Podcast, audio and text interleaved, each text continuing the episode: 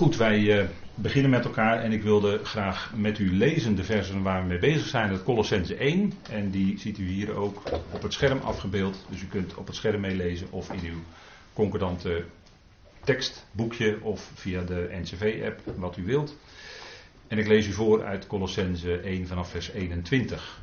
Ook jullie die eens vervreemd waren en vijanden in denkwijze en in boze werken, heeft hij thans echter wederzijds verzoend in het lichaam van zijn vlees door zijn dood, om jullie heilig en smetteloos en onbeschuldigbaar voor zijn aangezicht te stellen. Aangezien jullie blijven bij het geloof, gefundeerd en bestendig en niet verplaatst, weg van de verwachting van het evangelie dat jullie horen, dat in heel de schepping onder de hemel verkondigd wordt, waarvan ik, Paulus, dienaar geworden ben. Tot zover. En ik wilde toch met u uh, de vorige keer doornemen, omdat ik denk dat dat fijn kan zijn om weer even in de studie te komen zoals die gewoon zijn te houden. En ik heb een aantal keren dus deze thuis ingesproken. Dat ging dus alleen digitaal. Maar vanavond dus nu, om het zo maar te zeggen, live. En we hebben de vorige keer een aantal dingen met elkaar besproken. Naar aanleiding van Colossense 1, vers 14 tot en met 20. En wat we hebben gezien is het geheimenis van Christus. Paulus bespreekt hier in hoofdstuk 1 vanaf vers 9, eigenlijk tot en met hoofdstuk 2 vers 7, het aspect, het geheimenis van Christus, als je in de structuur van de brief kijkt. En dan gaat het niet alleen om de schepping in hem, in de zoon van Gods liefde, maar ook om de verzoening. En we hebben gekeken naar de rijkwijde van de verzoening. En dat is nogal een omstreden onderwerp, omdat uh, velen de tekst eigenlijk uh, ja, wel volgen, maar dan, dan toch weer beperken. Paulus die spreekt duidelijk in Colossense 1, vers 20 over de wederverzoening van het al. En gezien de context is dat al wat geschapen is. Zowel het zichtbare als het onzichtbare. Dat blijkt uit vers 15 en 16 van Colossense 1. En datzelfde het al wordt dus weder met God verzoend. Wie doet dat? God. En door wie? Door de zoon van zijn liefde. Het staat nadrukkelijk twee keer in vers 20. Door hem. Dus daar ligt zwaar de nadruk op. En het is door hem, hij heeft dat bewerkt, hij heeft dat werk gedaan. Het is door het kruis, doordat hij gekruisigd werd, komt die wederzijdse verzoening tot stand. Dan hebben we gekeken naar die verzoening door voldoening. En ik heb toen genoemd Anselmus van Canterbury. En dat is de, wat in de theologie dan bekend is als de Anselmiaanse verzoeningsleer. Nou, dat is een hele mond vol, mag u gelijk weer vergeten. Maar Anselmus die leerde eigenlijk dat God een torenend God is, dat God vijandig staat tegenover de mensheid en dat zijn enorme woede en toren gestild moest worden op Golgotha en dat daardoor verzoening tot stand kwam. Nou vat ik het even heel kort samen, maar dat godsbeeld, dat schrikbarende godsbeeld, dat is eigenlijk gekomen door Anselmus van Canterbury. En waarom heb ik dat genoemd? Omdat dat ook in de reformatie en vooral in de nadere reformatie ook een grote rol is blijven spelen. Helaas, helaas, want hij leefde in de 10e, 11e eeuw. Maar dat is dat godsbeeld, dat verkeerde godsbeeld, want dat is niet de Bijbelse godsbeeld, dat is een rol blijven spelen in de leer van de verzoening. Daarom heb ik dat genoemd. En ik heb toen ook gezegd, die verzoeningsleer van Anselmus van Canterbury, die gaat niet uit van dat God liefde is, maar die gaat veel meer uit van een eisende, rechtvaardige, toornige God. En dat is een verkeerd godsbeeld. Dus dat kunnen we aan de kant schuiven.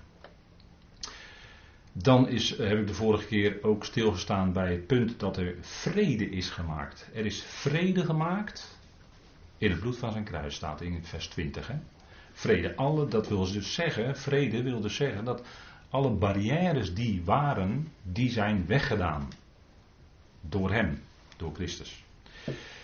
En dat, is, dat betekent ook die vrede, want we hebben ook gekeken naar het begrip wederzijdse verzoening, dat hier twee keer voorkomt in Colossense 1 en nog één keer in Efeziërs 2. En in Efeziërs 2 blijkt dat er vrede is gemaakt niet alleen met God door het kruis, maar ook wederzijds tussen twee groepen. Tussen gelovigen uit de Joden en gelovigen uit de natieën. Dus daar is ook verzoening. Hè? Die vijandschap in zijn vlees die is weggedaan door het kruis. En dat betreft ook, wat ook is weggedaan, dat is een belangrijk punt in Efeze 2, dat is de Soreg. En u ziet dat hier op een plaatje nog afgebeeld. Ik heb die, in de vorige presentatie heb ik deze afbeelding ook gebruikt. En daar zie je dus die, eh, wat Paulus dan noemt, de middenmuur van de stenen omheining. Daar mochten de natie niet voorbij komen op straffen van de dood. Hè. Dat stond op die die ziet u daar ook staan als u kijkt. En daar zijn van ook, eh, die heeft men ook later daadwerkelijk teruggevonden, waar het ook echt zo op staat. Ik heb dat gezien in het uh, Israël Museum in Jeruzalem. Heb ik oog in oog met zo'n plaquette gestaan. Dus en die kwam uit die, of bij die zorg vandaan. Hè? Dat, die mededeling stond daarop. Dus die stenen muur is ook weggedaan door zijn werk. Dus de, de vijandschap die er was tussen die twee groepen, die werd uitgebeeld in die middenmuur van de stenen omheining, de Soreg, maar die is ook weggedaan en dat heeft ook alles te maken met het verschil tussen Israël en de volkeren en met de wet bestaande in geboden in inzettingen. Dat is allemaal weggedaan door zijn werk, door het kruis. Dan hebben we stilgestaan bij het hele complement heeft er zijn welbehagen in om in hem te wonen. En hebben we gezien dat dat complement daar hier wordt voorgesteld als een persoon. Wordt, eh, dat is het uh, stijlfiguur personificatie. Dat het hele complement heeft er welbehagen in om in hem, in de zoon van zijn liefde, in de zoon van Gods liefde, te wonen. En dat wil zeggen, al wat God nodig had om zich bekend te maken aan zijn schepping en om die verzoening tot stand te brengen, dat vond zijn plaats in de zoon of in de persoon van de zoon. En de zoon is natuurlijk het uitgedrukte beeld van de onzichtbare God. Hè. Dat wordt ook genoemd in Colossens 1. Hè. Hij is het beeld van de onzichtbare God. En door hem komt ook die verzoening tot stand. En tenslotte hebben we gekeken naar de tekstverbanden. De en dat is een enorm belangrijk punt. De verzoening van het al, zoals het hier letterlijk ook genoemd wordt in Colossense 1, dat wordt door velen in de christenheid fel bestreden. Dat het echt gaat om allen en het al, de hele schepping. En dat is helaas een misverstand wat dan optreedt, want men gaat dan tekstverbanden met elkaar verwarren. Men gaat dan zeggen, kijk, er wordt in Colossense 1 vers 14 tot 20 wel gesproken over verzoening van het al, maar en dan komt het, dan komt de ontkenning. Dan zegt men, kijk, je moet het wel aannemen. Die Colossensen die hadden het aangenomen, zo spreekt men dan. Hè?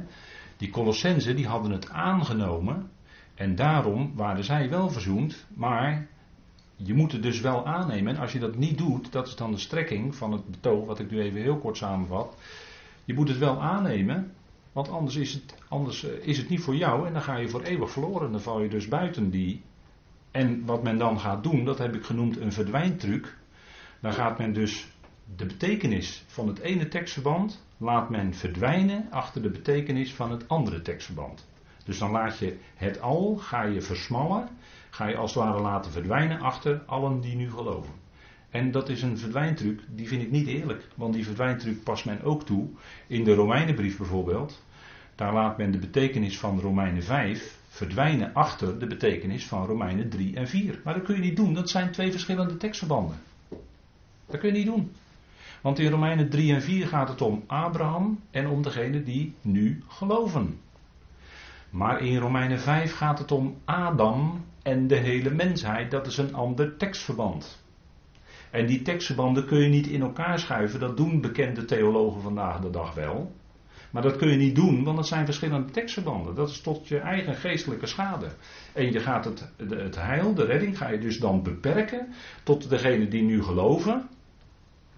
Terwijl in Romeinen 5, vers 12 tot en met 21 erg duidelijk staat dat in Adam alle mensen en ook in Christus of door hem, door de gehoorzaamheid van Christus, alle mensen gerechtvaardigd worden door die gehoorzaamheid van die ene, staat in Romein 5 eh, vers 18, komt het tot rechtvaardiging van leven voor alle mensen. En dat is ook de strekking Adam en Christus. En dan praten we niet meer over het tekstverband van uh, Abraham en de gelovigen in Romeinen 3 en 4. Het zijn twee verschillende tekstverbanden. Die kun je dus niet in elkaar schuiven. En dat doen theologen wel. Helaas, helaas. Want daarmee beperken ze de zaak. En ik vind dat een verdwijntruc. En dat is niet eerlijk, dat kun je met de schrift niet doen. Dan doe je de schrift geen recht. Zoals het bedoeld is, zoals het geschreven staat. Hè? Nou, ik denk dat dat een wezenlijk punt is, want het gebeurt hier dus ook met uh, Colossense 1.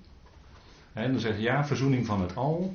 En dan uh, wordt er gelijk heel fel gereageerd. Ja, maar je moet het wel aannemen. En dan haalt men aan, ja, de mens heeft een vrije wil. En wil ik even met u opslaan. Johannes 1. Die tekst heb ik in feite al met u daarnet al sprekend een beetje geciteerd. Maar laten we dat maar even lezen met elkaar. Dat is Johannes 1. Want dan zegt men, ja, God heeft de mens een vrije wil gegeven. Even afgezien waar we dat kunnen terugvinden in de schrift. Ik denk dat ik het niet tegenkom in de schrift, een vrije wil. Denk ik niet. En dan zegt men, ja, God heeft, God heeft aan de mens een vrije wil gegeven. En dan zegt Johannes 1, vers 12. Dat is dan een losse tekst die men uit het tekstverband haalt. Maar allen die hem aangenomen hebben, hun heeft hij macht gegeven om kinderen van God te worden, die in zijn naam geloven. En dan zegt men, nou, je hebt een vrije wil, dus je moet hem wel aannemen. Je moet hem wel aannemen. En dan is het ook voor jou.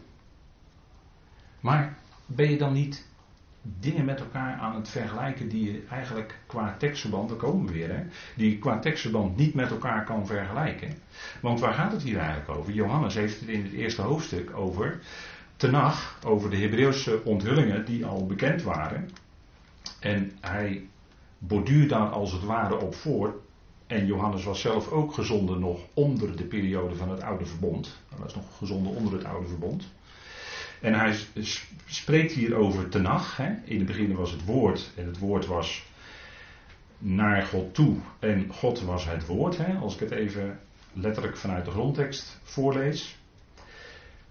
Dit was in het begin bij God. Alle dingen zijn door het gemaakt, door het woord gemaakt. Zonder dit is geen ding gemaakt dat gemaakt is.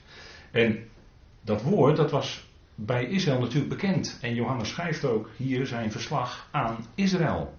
Dus die Hebreeuwse onthulling, die Tenach, dat was aan Israël bekendgemaakt. En Johannes spreekt dan hier over de situatie nog onder het oude verbond, zoals het was.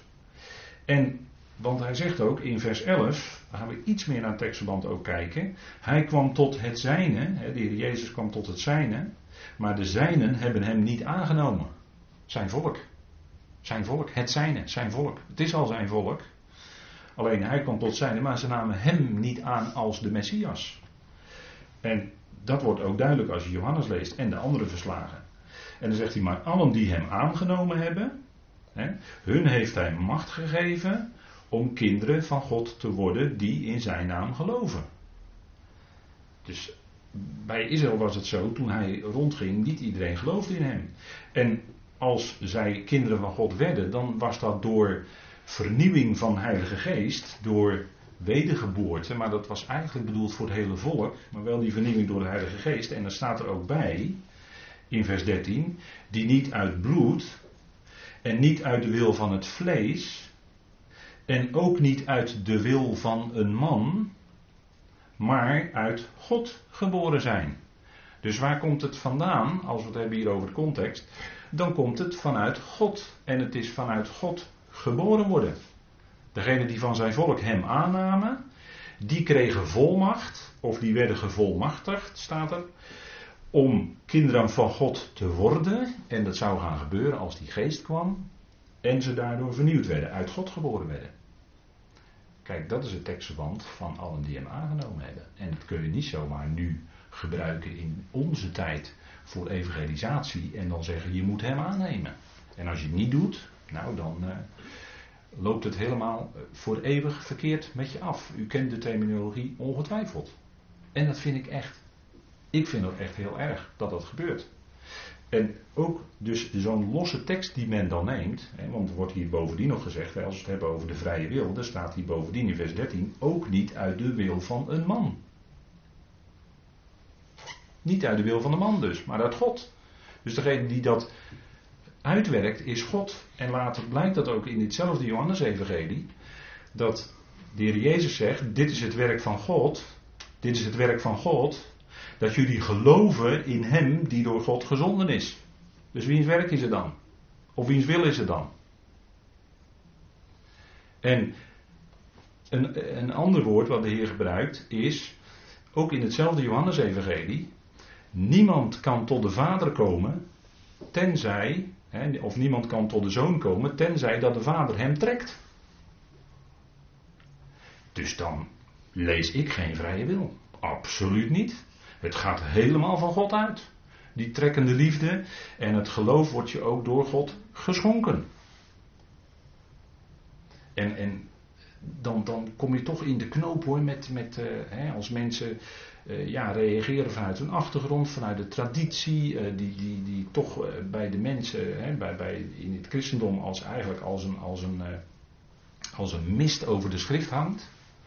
En dan is het genade, als God in, in uw, jou en mijn leven geblazen heeft met de wind van zijn geest en die mist heeft verdreven. En je, je leest hoe het werkelijk is in Gods woord. Dat is genade. Paulus zegt dat ook in Filippenzen 1. Dat aan jullie de genade is gegeven. Niet alleen in hem te geloven, dus dat is ook genade. Maar ook voor hem te lijden. Dat was bij de Filippenzen.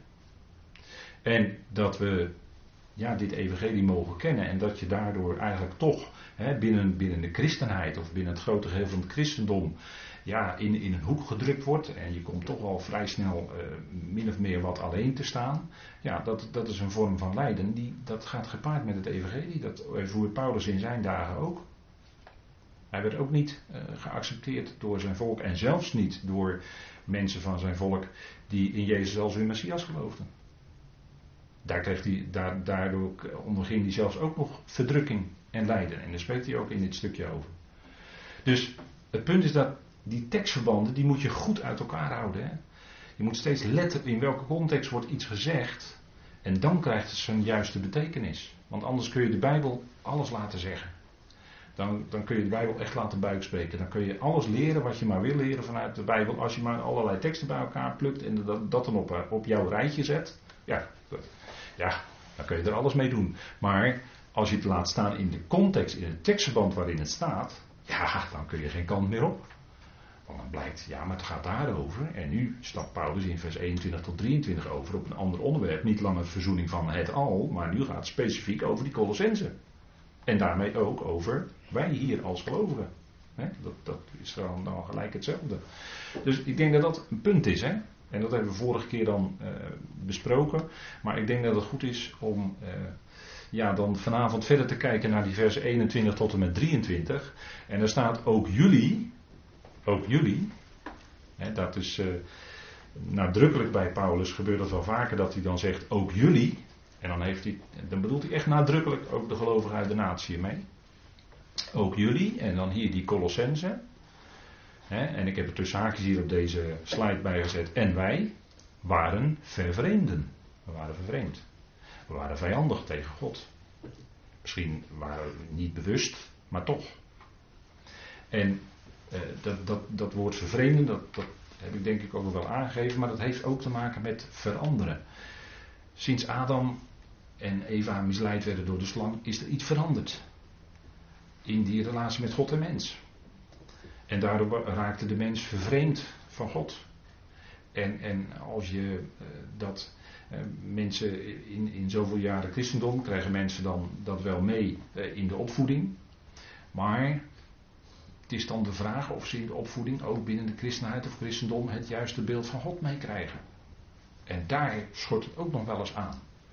Dus ja, je kijkt dan toch, mensen kijken, blijken dan toch vaak anders tegen God aan te kijken, ook al zijn ze misschien hun hele leven gelovig geweest en komen na tientallen jaren tot erkenning van de waarheid, zoals die uh, ook. Hè. Die genade van God in waarheid leren kennen, zegt vers 6 van dit hoofdstuk. En zo ook wij. Hè? We hebben de genade van God in waarheid leren kennen. Dat wil zeggen echt als genade. Zonder voorwaarden dus. Dat is het evangelie. Genade heeft geen voorwaarden. Genade kan niet overeenstemmen met werken. Dat sluit elkaar wederzijds uit. En natuurlijk zegt Paulus, ik heb meer gearbeid dan al die anderen in uh, 1 Korinthe 15. Maar dat was de genade van God die met hem was. En daardoor kon hij zich zo inspannen. Maar het was niet, hij kon dat niet pochen als eigen werken in rekening brengen. Dat niet. Nee, Paulus was zich heel erg goed bewust dat het ook genade was, die enorme inspanning die hij heeft mogen verrichten. En dat geldt voor ons natuurlijk precies eender. Er is niets van onszelf bij. Het is alles uit hem. En dat is genade. En daar was Paulus doorgegrepen, want hij was overweldigd door die genade. Op weg naar Damascus. Het was niet bij hem een langzaam proces geweest. Nee, hij, hij was een vijand van Jezus op dat moment. Hij vervolgde degenen die van die weg waren. En op dat moment, en daar kijkt hij erop terug als hij aan Timotheus schrijft, overweldigend is de genade die hem ten deel was gevallen. En dat is voor ons ook. Hè. Als je dat echt tot je doordringt, dan, is die, ja, dan overweldigt je dat. Wat? Is het echt zonder werken? Is het echt, hoefden we van mij echt helemaal niets verwacht te worden? Nee, nee, nee. Want dan ben je bezig met, kijk, veel mensen zijn heel goed bezig. Hè, dat meent men heel goed bezig te zijn. En men heeft niet door dat men bezig is met religie. Men is bezig het stukjes te verdienen. Allerlei goede dingen doen, goede daden doen, goede werken. En als je dan aankomt met, ja, maar het is echt alleen genade. Het is helemaal niets van jou. Dat is vaak heel moeilijk voor de mensen om dat te, om dat te accepteren. Je zegt helemaal echt van, niets van mezelf bij. Nee, het is genade. En dat is wat Paulus overwelde. En dat gaf hij door. En, de genade. en die Colossensen hadden die genade van God, staat er. Hè, ehm, in waarheid gehoord. Hè, eh, vanaf de dag, zegt Paulus in vers 6, vanaf de dag dat jullie de genade van God in waarheid hoorden en erkenden. En ook dat, dat je dat kan erkennen, dat het tot je doordringt, dat je daar het besef van krijgt, dat je daar begrip voor krijgt, ook dat is genade van God. Want ook, en, en, en God is het ook die zelfs de mate van het geloof bepaalt in ons. Dat is allemaal vanuit zijn genade. Nou, we waren vervreemden en die verandering, want het woord verzoenen heeft ook te maken met veranderen. Ja, als ik het heel letterlijk weergeef, dan is het vanaf neer veranderen. Als we het hebben over wederverzoenen, wederzijds verzoenen. Of Paulus gebruikt in 2 Korinthe 5 gebruikt en Colosse, of, uh, Romeinen 5 gebruikt hij het woord neer veranderen. Dat is vanuit God naar beneden, de mensen, zijn liefdewerk door Christus heen en hij raakt daarmee mensen aan. Hij verandert hen. God verandert mensen. Dat is verzoening. En als je dan bewust wordt dat het echt vrede is. Dat er echt geen enkele barrière is tussen jou en God. Dat niets jou kan scheiden van Gods liefde. Waar Paulus over zingt in Romeinen 8, hè, die laatste verse. Vers 31 tot met 39. Dat is verzoening. Dat is wederzijdse verzoening. Als je dat bewust wordt dat er werkelijk niets is wat jou kan scheiden van de liefde van God in Christus Jezus onze Heer, dat is verzoening. Dan heb je het aangezicht van God. Dan zie je in Christus hier het aangezicht van God. Dat is liefde. Zijn hart is liefde. En al wat hij doet in zijn plan verder, zijn heiligheid, rechtvaardigheid, alles, allemaal vanuit zijn liefde. En dat, en, en dat is het. Hè. En als je dat bewust beseft als mens, ja, dan, is die, dan ervaar je ook daadwerkelijk die verzoening. En dat, dat is bijzonder. En die Colossense hadden het ook leren kennen. Die verzoening betekent dat een vijand wordt veranderd in een vriend. dat is niet iets, ook niet iets wat je bij jezelf kan veranderen. Nee, dat is God die zijn, zijn geest in jou heeft gegeven. En daarmee ook zijn liefde, zegt Romeinen 5. En dan gaat het van binnen bij je veranderen, van binnenuit. En dat is het werk wat God door zijn geest bij je doet. Die verandering, dat is verzoening. Dat je bewust bent, vader. Er is niets tussen u en mij. Wat, wat er verder ook gebeurt in mijn leven, wat mij ook over mag overkomen. Of hoe het ook gaat, of het hoog gaat of laag gaat in mijn leven. Maar er is niets wat mij kan scheiden van uw liefde in Christus Jezus. Dat is fantastisch. Hè? En, en als, dat gaat dan in je werken en dan gaat die liefde ook naar buiten toe komen. En dat is ook wederzijds. Hè? Ik, ik had het daarnet over twee groepen. Hè? Tussen, tussen gelovigen uit Israël en gelovigen uit de natie. Daar is ook Die vijandschap is in feite weg. Waarom? Omdat dat vlees, hè, die vijandschap in zijn vlees, is aan het kruis weggedaan. En daarom is die barrière die er was tussen gelovigen uit de natie en gelovigen uit Israël, is weg. Het is één in Christus Jezus. Dat is een geestelijke eenheid. Eenheid is niet in het vlees. Maar eenheid is door die geest gewerkt. Verzoening, wederzijdse verzoening. Die eenheid, dat is, dat is omdat die vijandschap in het vlees is weggedaan. Afkomst naar het vlees doet er niet meer toe als je gelovig bent. We zijn alle één in Christus Jezus. Ongeacht of je Jood bent of Griek of slaaf of vrije wat je, wat je was in het vlees, dat doet er allemaal niet meer toe. In Christus Jezus is er één eenheid. En die eenheid, hè, dat, dat, daar, daar spreekt Paulus natuurlijk nadrukkelijk over in, in, eh, in Efeze 4. Die eenheid, die is er. Die hoeven wij niet te maken. Want dan trek je aan het verkeerde eind.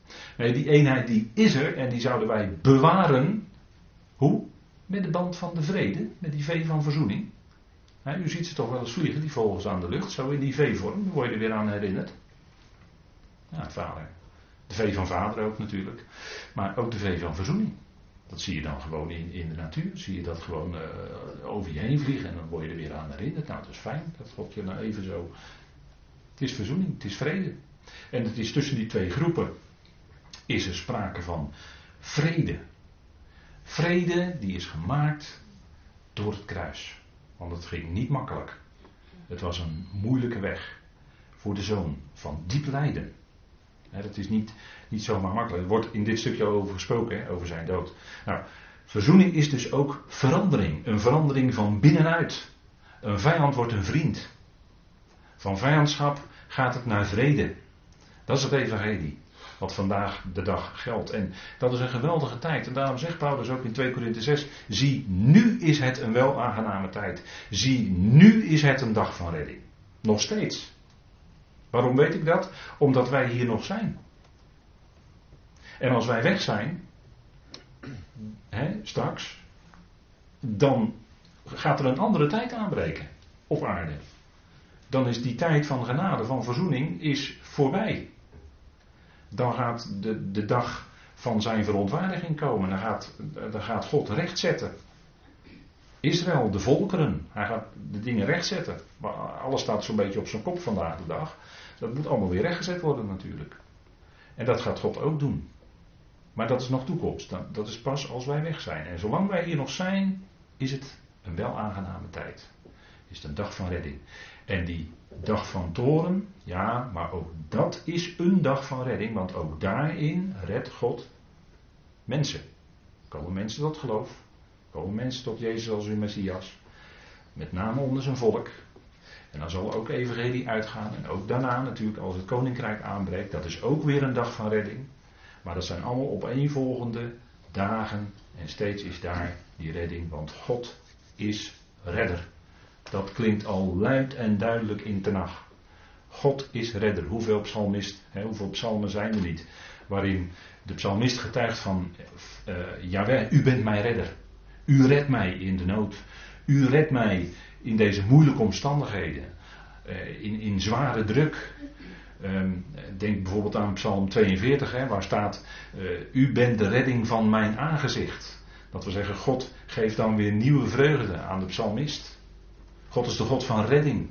Hij gaf uitreddingen aan, aan, aan, aan David, aan, aan, uh, met de Filistijnen en, en noem, noem, maar op. Uh, zoveel gaf hij uitredding. God is de God van redding.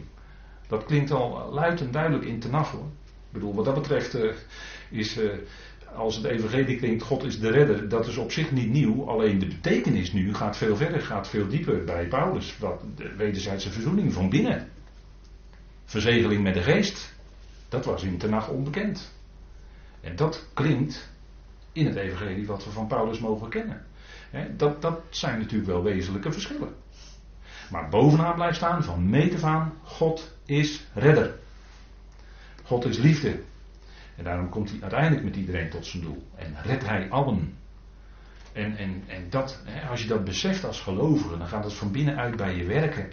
En dan, dan blijkt dat ook naar anderen toe. Hoe je doet naar anderen, hoe je bent naar anderen. dat, dat gaat dan ook veranderen.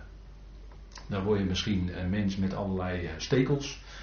Maar die stekels worden dan misschien toch wat hier en daar wat weggeknipt. dat, dat, is het snoeien wat hij doet. die, eh, degene, om in de natuur, als, als eh, je wil dat er groei komt en vrucht, dan moet er gesnoeid worden. Nou, dat is ook zo in, in ons leven. Dat God snoeit door het woord wat hij aanbrengt. En dat, is, en dat is alles wat we nodig hebben. Dat woord, Johannes wijst erop. Uh, het woord, en het bijzondere ook is van, van Johannes, dat, uh, dat het woord zo'n enorme kracht heeft. daar, daar, getuigt Johannes van in zijn verslag. Uh, als je nagaat de wonderen die de Heer doet, lees ze maar na in Johannes. Dat is, niet omdat, dat is niet dat hij fysiek mensen de handen oplegt of wat dan ook. Nee, hij spreekt een woord. En het gebeurt. En, en, dat is soms op afstand, zonder aanraking. Hij verandert water in wijn. Hij, hij geneest, uh, geneest, iemand die uh, verlamd is in Bethesda. Uh, nou, noem alles maar op. Maar dat is allemaal door dat wat hij spreekt. Dat heeft een helende kracht.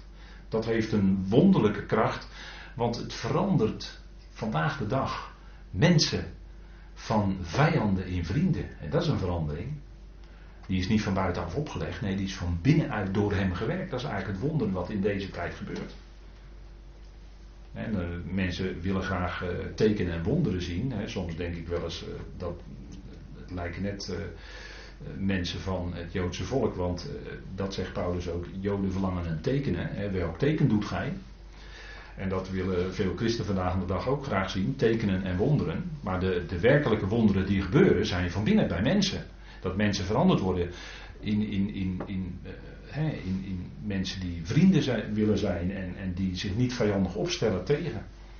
Nou, ik denk dat dat een enorme verandering is. Want kijk, Paulus die zegt daar wel iets over in, in, uh, in deze verse van Colossense. Jullie waren vijanden in denkwijze. En, en de denkwijze, de manier van denken van de mensen, dat is het Griekse woord, heb ik daar tussen haakjes achter gezet. Maar dat, is, dat, is, dat zijn die denkprocessen, hè? Dat, dat doordenkvermogen. Uh, het heeft ook de kant van inzicht. We vertalen het ook enkele keren met, met inzicht. Of uh, er zit ook iets in van begrip.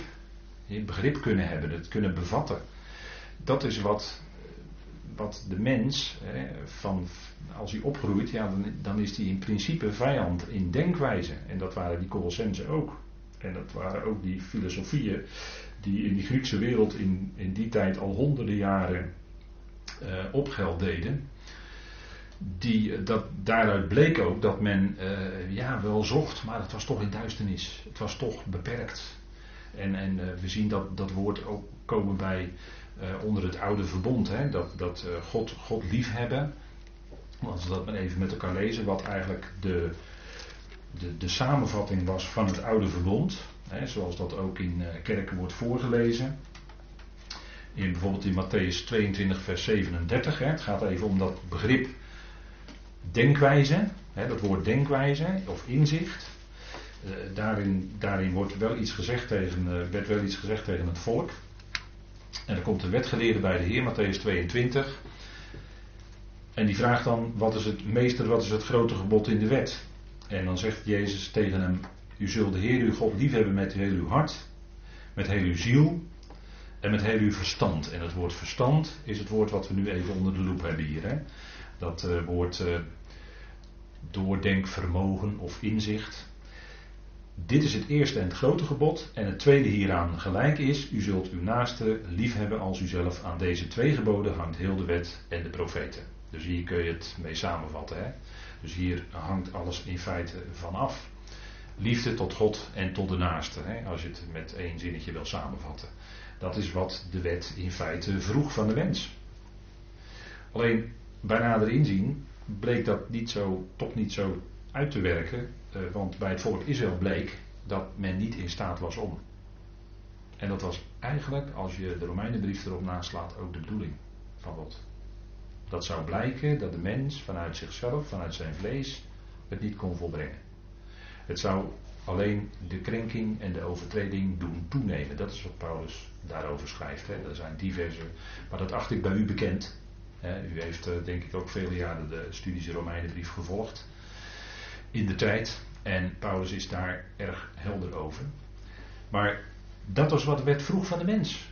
Het werd op het volk Israël gelegd en bleek in de praktijk niet te kunnen, want het vlees. Het vlees is zwak. Bleek hè? Het vlees is zwak. Geest is wel gewillig, maar het vlees is zwak. zo zou je Romeinen 7 misschien kunnen samenvatten. Maar bleek dat die mens dat niet kon. Onder het oude verbond, het ging hem niet worden. Het ging hem niet worden. En dat was ook de bedoeling.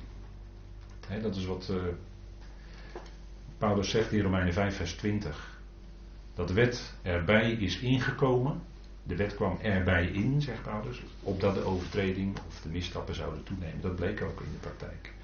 En kijk wat er gebeurt onder het nieuwe verbond. Want ook onder het nieuwe verbond wordt ook dat uh, mooie woord dianoia gebruikt. In Hebreeën 8, wel even met elkaar lezen. Hebreeën 8, vers 10. En dat is heel mooi, de, als je een studie maakt van de verbonden, de verbonden in de schrift, wat die duidelijk maken, dat is, dat is heel mooi. Dat is niet, dat, ja, het wordt hier en daar wel bij de mensen neergelegd, maar uiteindelijk blijkt met de verbonden dat God het doet. God moet het doen. En anders wordt het niks. Als van de mensen afhangt, dan gaat het hem niet worden. Dat uh, staat ook in de belofte. En eigenlijk, in de diepste zin, kun je dan ook die Torah of de tien woorden, de tien woorden, kun je ook eigenlijk zien als een belofte. Jullie zullen, jullie zullen, dan is het een belofte. Hebreeën 8 vers 10, want dit is het verbond dat ik met het huis van Israël sluiten zal na die dagen, zegt de Heer. Ik zal mijn wetten in hun verstand geven. En dat woord verstand, dan hebben we hem weer, hè? dat is dat doordenkvermogen. En ik zal die in hun hart schrijven. Ik zal hun tot een God zijn en ze zullen mij tot een volk zijn. Dus de Heer gaat dat zelf in het hart schrijven. Door zijn geest. Niet langer dus op stenen, maar op vlezen tafelen van het hart. Zegt Paulus in 2 Korinthe 3. En in Hebreeën blijkt dus dat het nieuwe verbond, hè, wat met het hele huis Israël, en dat volgens Jeremia het huis van Juda, het huis van Ephraim, maar goed, dat is heel Israël, alle twaalf stammen. En in dat nieuwe verbond uh, valt ook op, hè, dat is ook hier geciteerd, dat ik zal. Dat hij dat doet, hè? Ik zal, ik zal dat doen. En dat blijkt ook, en ik heb nog wat teksten hier op deze dia erbij gezet. Als uh, Peters daarover spreekt, dan uh, blijkt dat uh, dat heil of die verlossing blijkt ook door God te worden gegeven als het gaat om Israël. Hè? Want Petrus en Johannes die schrijven natuurlijk aan Israël. En als we dan kijken bijvoorbeeld in 1 Johannes 5, vers 20, daar wordt ook dat woord denkwijze gebruikt of inzicht. En daar schrijft Johannes natuurlijk aan zijn volksgenoten, maar we weten dat de Zoon van God gekomen is en ons het verstand heeft gegeven. Daar heb je het weer, hè? hier ook weer vertaald met verstand om de waarachtige te mogen kennen. En wij zijn in de waarachtige, namelijk in zijn zoon Jezus Christus. Die is de waarachtige God en het Ionische leven. Dus ook dat vermogen, dat doordenkvermogen, dat verstand, dat dianoia, dat blijkt God ook te geven aan zijn volk. dat, dat blijkt Johannes hier aan te geven. Dus ook daarin, als het gaat om zijn volk, is onder het nieuwe verbond, en het nieuwe verbond is wel blijvend in de komende eonen, dat is blijvend. En dat gaat niet mislukken. Waarom niet? Omdat er steeds staat ik met een hoofdletter. Ik zal, ik zal. Ik zal dat in hun harten schrijven. Ik zal het door mijn geest in en doen. En dan gaat het ook, zullen ze ook leven tot eer van Jahweh. Dan zullen ze ook leven tot eer van de Heer. En dan zal het, eh, en dan zullen ze allen, en eh, dan zullen ze eh, niet meer tegen elkaar moeten zeggen, ken de Heer. Nee, ze zullen alle door hem gekend zijn en ze zullen hem kennen. Dat is wat de Habakkuk natuurlijk zegt dat is een geweldige tijd natuurlijk die gaat komen. Komende koninkrijk, de duizend jaren. En op de nieuwe aarde zal het ook nog verder natuurlijk uitgebouwd worden, ook met de Hebreeënbrief. Zal, door middel van de Hebreeënbrief zal er ook veel meer aan het volk duidelijk gemaakt worden. Hè, hoe de lijnen lopen, wat de betekenis is, de diepe betekenis is van het offer van onze, van onze Heer, hè, de Heer Jezus Christus. Dat zal aan, aan Israël steeds duidelijker gemaakt worden. Nou, wat dat betreft zijn we bevoorrecht. Paulus die gebruikt dat woord, als we kijken hoe Paulus dat woord gebruikt, hè, dat, dat woord inzicht of denkwijze. Dan staat in Efeze 2 hè, over eh, onze oude situatie. Laten we het even erbij pakken. U heeft denk ik concordante tekst wel bij u. Efeze 2 en dan wil ik even met u lezen. Want ook daar wordt dat woord inzicht gebruikt.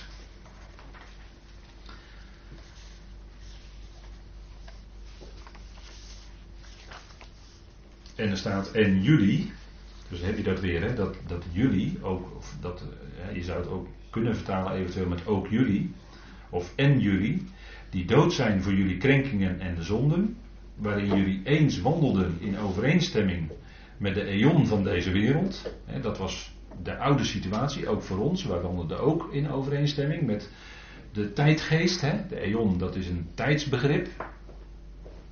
Eon is in de Bijbel altijd een tijdsbegrip. Of olam, het, het, is de vertaling van het Hebreeuwse woord olam. Hè, wat betekent, uh, wat, wat uh, in, in, die dagen ook uh, die betekenis had hoor, van, van een, een beperkte tijd. Hè, de, de, de, mensen in die dagen toen, toen de Griekse schrift geschreven werd, die wisten dat als het gaat om olam en als vertaalwoord aion, die wisten dat het om een beperkte tijd gaat. Dat wist men.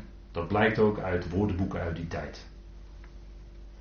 Later, onder invloed van theologie, is daar het oneindigheidsbegrip en filosofie vooral moet ik zeggen, vooral filosofie, onder invloed van filosofie en theologie, is dat begrip verworden tot eindeloze eeuwigheid. Heeft men aan het begrip aion, is men gaan, gaan veel, te, veel te veel gaan uitbreiden, als, als zou het eindeloze eeuwigheid betekenen. Maar in de tijd dat de, dat de Griekse schrift geschreven werd, had die betekenis beslist niet hoor. En als je de schrift erop naslaat, dan is er ook geen enkele tekst die, uh, waaruit je kan aantonen dat aion eindeloze eeuwigheid zou betekenen. Heel simpel is alleen al dat het begrip aion in het meervoud gebruikt wordt. En wat moet je dan met een, met een uitdrukking als de eonen van de eonen? Wat moet je daar dan mee? Als één aion al eindeloze eeuwigheid is. Dat wordt toch absurd. Dat gaat toch voorbij alle. Dat, dat kan helemaal niet.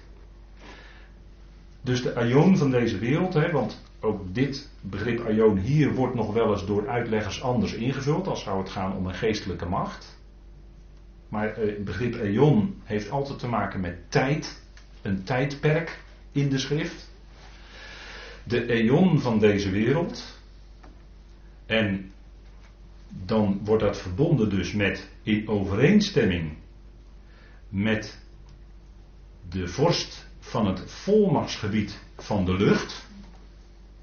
Dus dat is de tegenstander, hè? de vorst van het volmachtsgebied van de lucht, dat is de tegenstander. De tegenstander. De geest die nu werkzaam is in de zone van de weerspannigheid. De eon van deze wereld is wel een uitdrukking die uh, iets zegt over een bepaalde tijdgeest, maar niet het begrip aion zelf, nogmaals, op zichzelf duidt niet op een geestelijke macht. Maar het heeft een tijdbegrip in zich. En die geest is nu werkzaam in de zone van de weerspannigheid, onder wie ook wij allen ons eens gedroegen in de begeerte van ons vlees, de wil van het vlees en van de denkwijze uitvoerend. Hier heb je hem, denkwijze. En we waren van nature kinderen van verontwaardiging, zoals ook de overigen. Dat was onze oude situatie.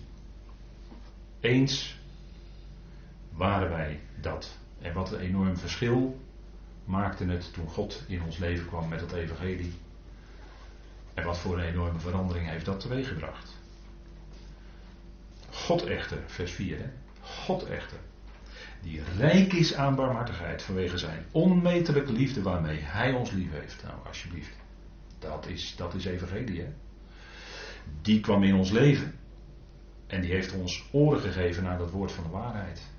En dat bracht een enorme verandering teweeg. En nu zijn we niet langer gericht op de dingen waar we vroeger op gericht waren, maar zijn we gericht op Hem. Hij is degene die onze belangstelling heeft. In plaats van En dat is nog steeds al wat in de wereld om je heen is, kan allemaal jouw aandacht willen opeisen. Maar, en daarom is dat woord ook zo enorm belangrijk. Dat woord is datgene wat in ons leven voortdurend die zuiverende, die reinigende werking heeft. Dat is heel belangrijk. En daarom hameren we er steeds op dat woord tot je nemen. En als het even kan, dagelijks. Want altijd als je ermee bezig bent, dan merk je, ja, het is fijn. Het heeft een, het heeft een eh, goede werking van binnen bij je. Het werkt zich uit in een wandel en, en dan wil je ook tot eer van Hem leven. Tot, de God die, tot eer van de God die liefde is. Zijn onmetelijke liefde waarmee Hij ons lief heeft. Wij die dood zijn voor de krenkingen en de begeerten. En dat is wat wij erkennen. Dat, dat, is, dat, dat is zo. Dat is een feit. Hè? en dat erkennen. Dat voortdurend erkennen. En hij maakt ons gezamenlijk levend in Christus. In genade zijn jullie geredden. En dat is onze nieuwe situatie. We leven in genade. Dat is ons leefklimaat. Niet langer in het oude. Nou, dat is, dat is heerlijk, hè? dat is eh, goed nieuws. Goed, we gaan even met elkaar pauzeren.